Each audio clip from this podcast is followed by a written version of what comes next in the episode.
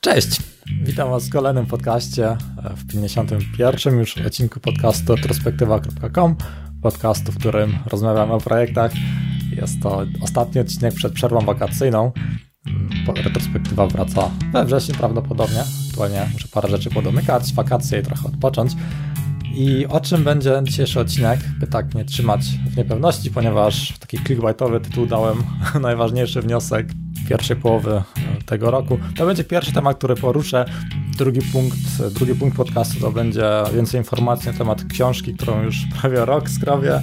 Jest to druga, druga książka, którą wydaję po Junior Developerze. Mam zamiar za rok e, znowu w modelu self-publishingowym wydać drugą książkę. Trochę więcej o tej książce powiem. Już kiedyś mówiłem, ale tak dzisiaj trochę, trochę szerzej. I trzeci punkt tego podcastu tym roku mocno badam temat wyjścia e, międzynarodowo swoimi działaniami, nie tylko z produktem IT Startup Karciana, tylko e, generalnie na przykład z blogiem. I w końcu myślę, że udało mi się połączyć wszystkie kropki i właśnie rejestruję e, nową domenę bloga. Podcast Start Perspektywa oczywiście nie znika, to tu zostaje. Po prostu mam zamiar prowadzić bloga po angielsku, takie, takie wyjście międzynarodowe. Zobaczymy, co z tego wyjdzie. Tak, tak myślę, że z pół roku chcę próbować i na podstawie wyników później no, podjąć decyzję, czy to, czy warto, czy, czy ma to sens. I o tym będzie odcinek. Trzy punkty, najważniejsza lekcja z pierwszej połowy 2019 odnośnie nowej książki i o planach wyjścia e, międzynarodowo z blogiem. Zapraszam. I to zaczynamy z pierwszym punktem, czyli najważniejszy, najważniejszy wniosek z pierwszej połowy roku 2019. E, coś, co powinienem robić już dużo wcześniej.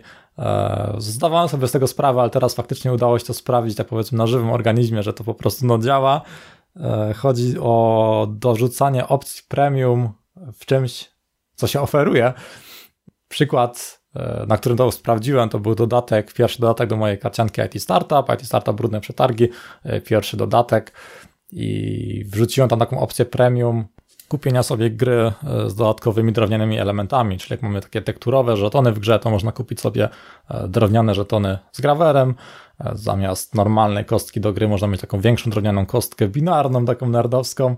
I dzięki temu w takiej opcji premium, która jest opcjonalna, każdy może sobie kupić po niższej cenie tą standardową wersję gry i może opcję premium kupić dopłacając 30 zł więcej do gry, nie spodziewałem się takich dobrych wyników. Myślałem, że jeżeli jedna trzecia osób kupi opcję premium, to będzie super.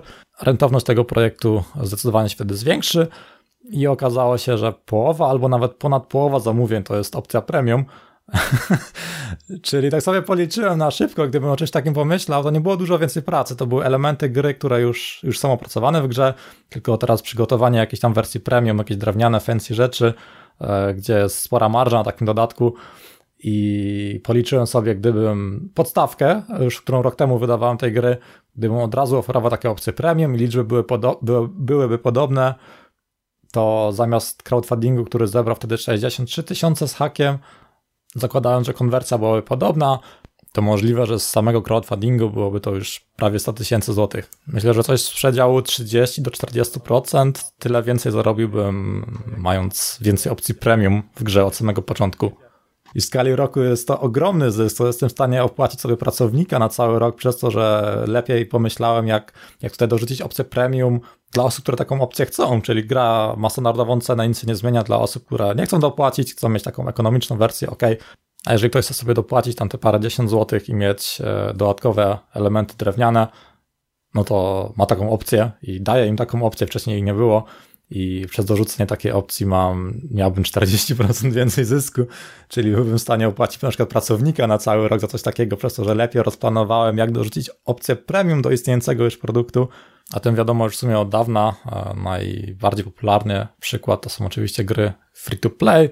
E, tam mamy taki rozkład e, tych tak zwanych wielorybów, którzy wydają najwięcej e, w całej grze, czyli te wieloryby, które stanowią parę procent parę procent naszych użytkowników, to oni odpowiadają za 90% zarobków w takich grach free-to-play. Oczywiście to zależy trochę od tytułu, zależy jak ta gra jest zrobiona, ale generalnie wieloryby to to jest e, być albo nie być dla takich, dla takich modeli free-to-play. I oczywiście taka gra e, jak IT Startup to jest całkowicie inny model, ale również tutaj po prostu zaniedbanie e, braku tej opcji premium dla osób, które chcą wydać trochę więcej.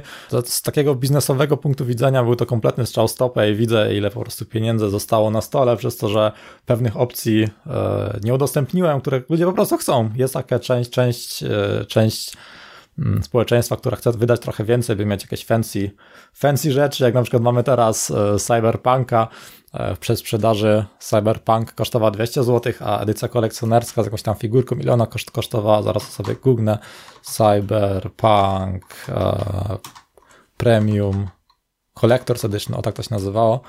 O, już widzę, edycja kolekcjonerska 749,99, czyli ponad 3 razy więcej niż wersja standardowa i myślę, że marża na tym, taka figurka, nawet byłem kiedyś e, na, na takim szkoleniu odnośnie gier planszowych, takich figurek i było właśnie o tym, że społeczeństwo generalnie płaci dużo więcej za duże figurki, bo taka, taka jest percepcja wartości, o że jest to większa figurka, to powinna dużo więcej kosztować, a się okazuje, że jeżeli chodzi o takie właśnie takie figurki, takie fancy gadżety, e, to generalnie plastik jest mega tani i wyprodukowanie czy to dużej figurki, czy małej, tam są bardzo małe różnice, a marża jest E, dużo, dużo większa, ponieważ największy koszt to jest przygotowanie w ogóle tego projektu i koszt tego materiału to jest e, znikome, znikoma część w ogóle tych kosztów.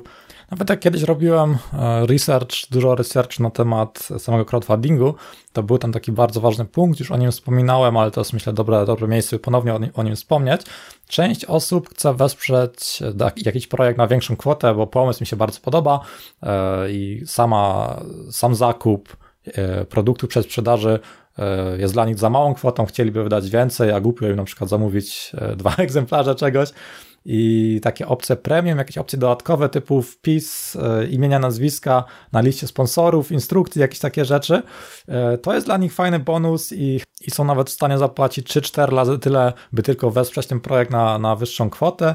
I szukają tak na siłę, jak mogą lepiej usprawiedliwić wsparcie projekt większą kwotą, by otrzymać coś więcej i na przykład właśnie taki wpis na liście e, mecenasów, czy jakaś e, figurka plastikowa, jakieś takie gadżety. Są to rzeczy, które ludzie chętnie kupują, chętnie wspierają, dobre, fajne inicjatywy, pomysły, które mi się podobają wyższą kwotą, tylko muszą mieć przed samym sobą trochę większe usprawiedliwienie, czemu teraz wydałem dwa razy tyle niż, niż standardowo produkt kosztuje, albo trzy razy tyle, by wesprzeć ten projekt. Coś muszę w zamian dostać, niekoniecznie jest mi to potrzebne, ale to jest takie dla mnie usprawiedliwienie, danie mi opcji wsparcia czegoś wyższą kwotą i zdziwicie się właśnie, ile jest takich osób, które są w stanie takie pieniądze wam zapłacić i jeżeli, jeżeli nie dostarczacie w ogóle takiej opcji, to zostawiacie pieniądze, które są na stole, leżą na stole i nie bierzecie ich i nie jest to, kiedyś tak myślałem właśnie, że to jest jakieś wciskanie ludziom czegoś na siłę, ale to nieprawda. W końcu oferujecie coś w standardowej wersji ekonomicznej, ok, tutaj jest taka wartość rynkowa tego, e, jest to, uważacie, bardzo dobry produkt za tą cenę i to oferujecie i to większość osób, e,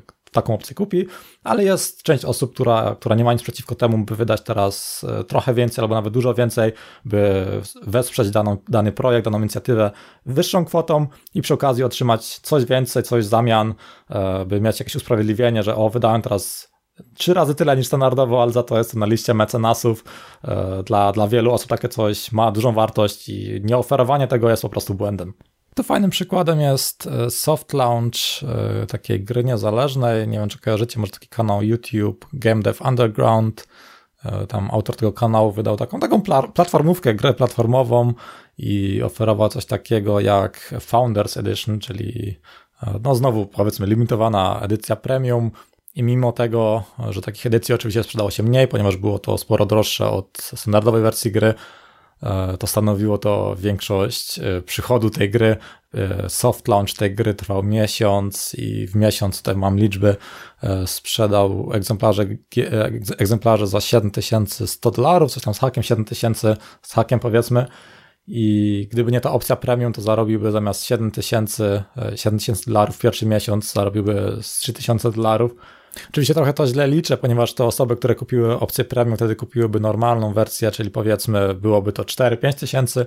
Nie brzmi to może teraz jak jakaś taka ogromna różnica, ale jeżeli to sobie to policzymy procentowo, że jest to 30%, 40% więcej, e, to przy kwocie z rzędu 100 tysięcy dolarów za pierwszy miesiąc projektu to dodatkowe 30 tysięcy dolarów brzmi już trochę lepiej, nie? E, czyli na pewno, na pewno naj, najważniejszy wniosek pierwszy połowy tego roku dorzucać opcję premium. E, ludzie chętnie ją biorą, tak w przypadku właśnie dodatku e, do mojej karcianki IT Startup. To była taka mini opcja premium, powiedzmy jakiś tam element drewniany, ale i tak ponad połowa osób, ponad jakaś połowa zamówień to, to zamówiła, więc jest to jak najbardziej e, potwierdzone, że no to się sprawdza. To jest chyba taka bardzo popularna pułapka, która często stanowi tą granicę właśnie między rentownością projektu a stratą. Mm, jeżeli ktoś był e, etatowcem, pracował e, jako, jako, pracownik, myślę, że dobrze wykonana praca, dobrze wykonany produkt zawsze się zwróci, bo zawsze, bo zawsze dobry produkt się sprzeda i może faktycznie no dobrze się sprzeda.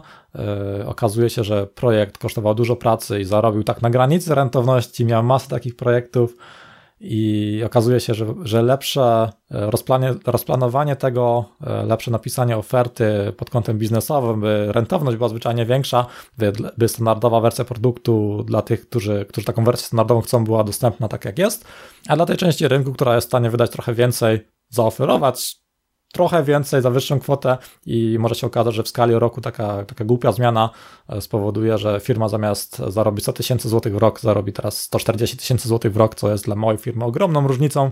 I to jest jedna z takich lekcji, która pozwoli mi teraz przejść tak powiedzmy płynnie, jakbym potrafił płynnie mówić, to zawsze jak sam nagrywam, z gościem nagrywam, to jakoś mi to idzie, ale jak samemu nagrywam, to minuta gadania do mikrofonu to jest maks, później muszę stopnąć, przesłuchać to, ewentualnie coś wyciąć, jakoś tak nie umie płynnie nagrywać tego podcastu samemu. Czyli takie mniej płynne przejście do drugiego punktu, czyli o mojej drugiej książce, którą tak już z rok sobie e, powoli skrobię. Mam tu podobne podejście jak, e, jak z tą moją książką Junior Developer.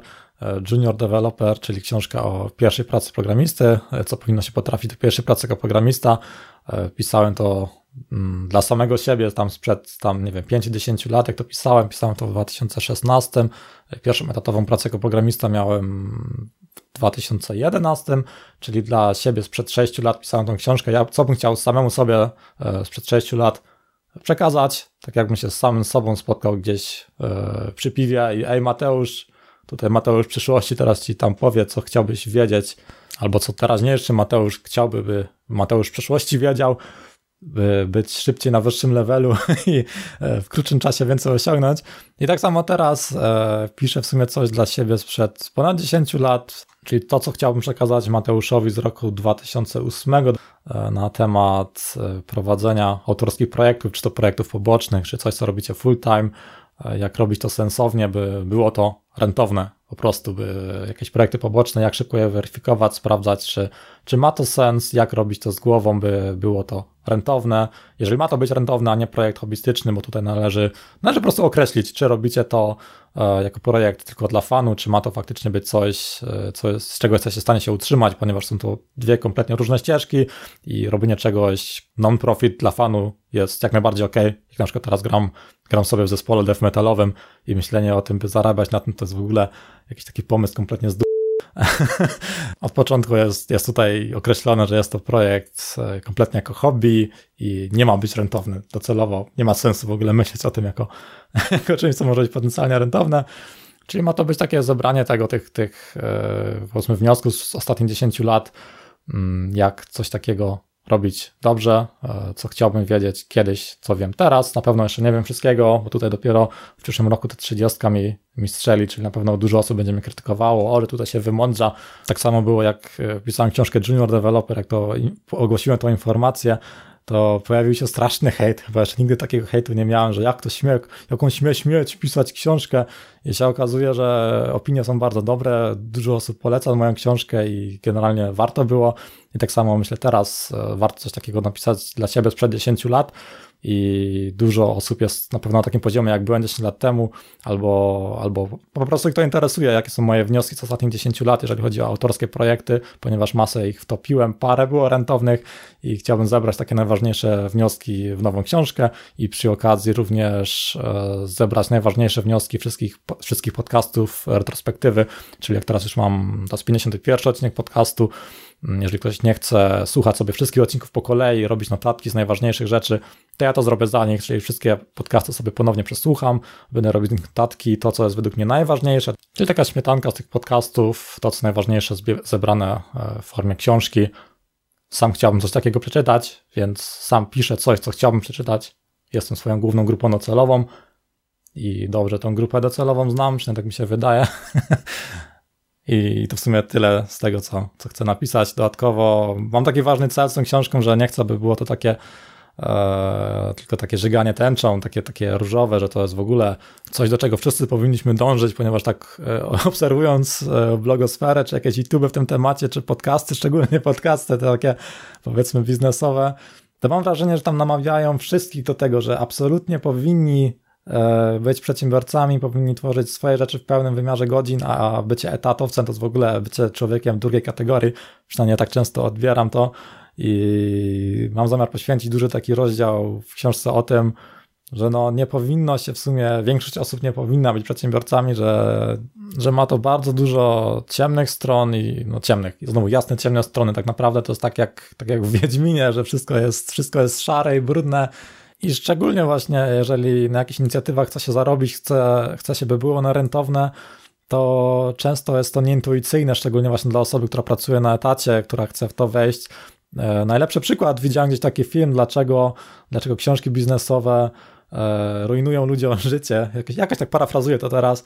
I było, był tam pokazany przykład e, sprzedawania hamburgerów. Tak naprawdę, jeżeli ktoś bardzo lubi robić hamburgery, chce robić najlepsze hamburgery na świecie, to najprawdopodobniej nie będzie dobrym przedsiębiorcą, ponieważ robienie hamburgerów najlepszych na świecie niekoniecznie jest rentowne. Okazuje się, że w biznesach dużo rzeczy musi skalować i robienie bardzo przeciętnych hamburgerów, ale w sposób efektywny przygotowanie tych hamburgerów w taki sposób, by każdy tam uczeń liceum mógł się tego nauczyć w pół godziny. Jest to bardziej skalowalny model i bardziej prawdopodobny, że ten model będzie rentowny i zarobi konkretną kasę niż E, jakiś model, w którym robi, robimy najlepszy możliwy hamburger, którego tylko my potrafimy zrobić, nikt innego nie potrafi zrobić. I tak dużo osób, myślę, w IT tak ma, że są świetnymi programistami i myślą, że teraz jeżeli będą pracować dla siebie, będą oferować jakiś swój pisany soft, swoje pisane gry, czy jakieś inne produkty wokół tego, wokół tej całej otoczki, że będzie to z automatu rentowne, ponieważ jest to dobre, i to jest taka bardzo popularna pułapka i o tym mam zamiar dużo napisać. Czyli z jednej strony ma to tak trochę pomóc przejrzeć na oczy, czy jest to na pewno coś dla mnie, coś co chcę robić, ponieważ stworzenie no, rentownego biznesu nie zawsze jest takie, no nie zawsze, prawie nigdy nie jest takie, jak, jak sobie to wyobrażaliśmy.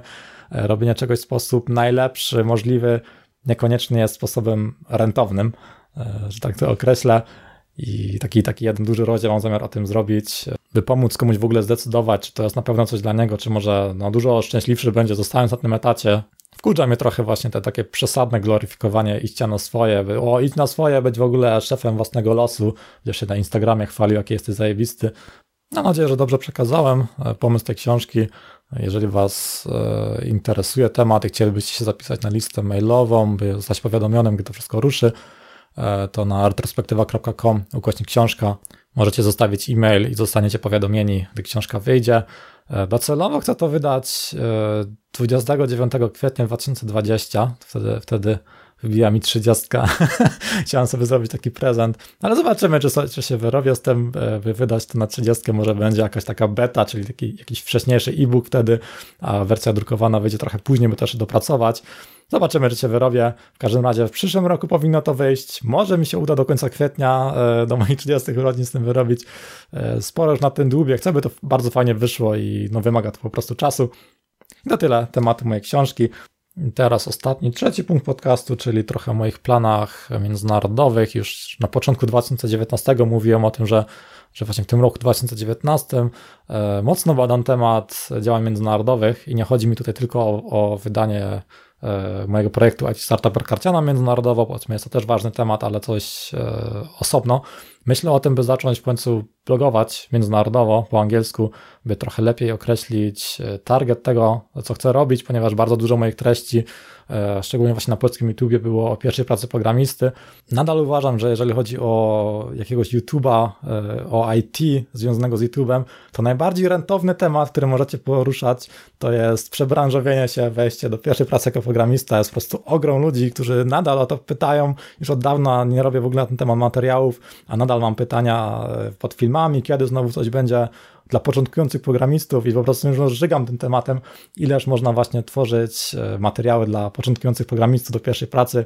E, jest ogromne parcie na to, więc jeżeli, jeżeli macie trochę wolnego czasu, chcecie sobie dorobić, to twórzcie takie materiały, ponieważ no, ludzie to kupują, jest ogromne zapotrzebowanie na to, mimo że teraz tego powstaje masa, jak grzyby po deszczu, ale nadal myślę, że ten rynek nie jest zapełniony i jest po prostu ogromny boom na pierwszą pracę programisty i chciałbym się trochę od tego odciąć, ponieważ no ileż można Pierwszy krok to było właśnie przejście bardziej na podcast, na podcast konkretnie o projektach i myślę, że był to dobry krok. To jak teraz chcę znowu zacząć więcej blogować w jakimś takim powiedzmy kierunku trochę innym, że odciąć się w ogóle od tej pierwszej pracy jako programista, to był to było coś z przeszłości, teraz nowy kierunek, to skoro obiorę nowy kierunek, to czemu nie od razu międzynarodowo i dlatego może podam najlepiej domenę, bo nie wiem jak to teraz ładnie powiedzieć. E, docelowo chcę, by był to blog dla osób, które chcą robić swoje projekty poboczne w pełnym wymiarze godzin. O, jak to teraz ładnie określiłem.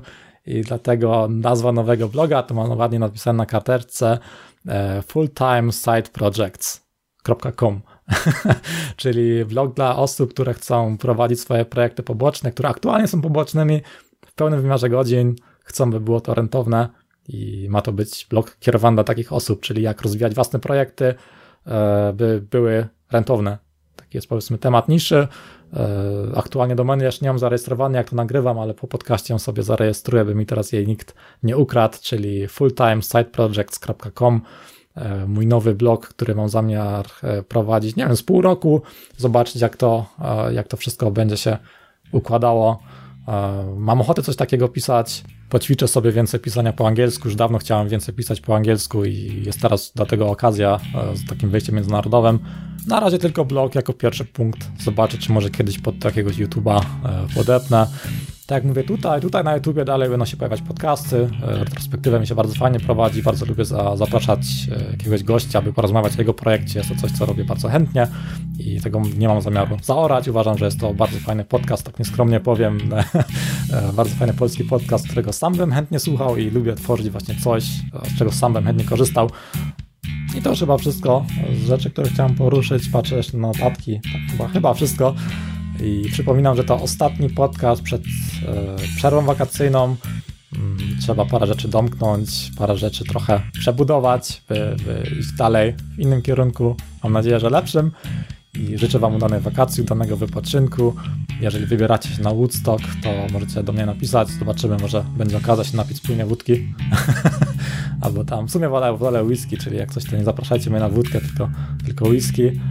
Ewentualnie, e, ewentualnie piwo. Miałem takie ostatnio na Woodstocku, że jakiś taki koleś przyniósł taką ciepłą wódkę chrzanową i to było takie okropne, że mam teraz uraz do wódki. Więc jeżeli uda się spotkać na Woodstocku, to albo piwo, albo whisky. Protip. Słyszymy się ponownie w retrospektywie we wrześniu. Cześć.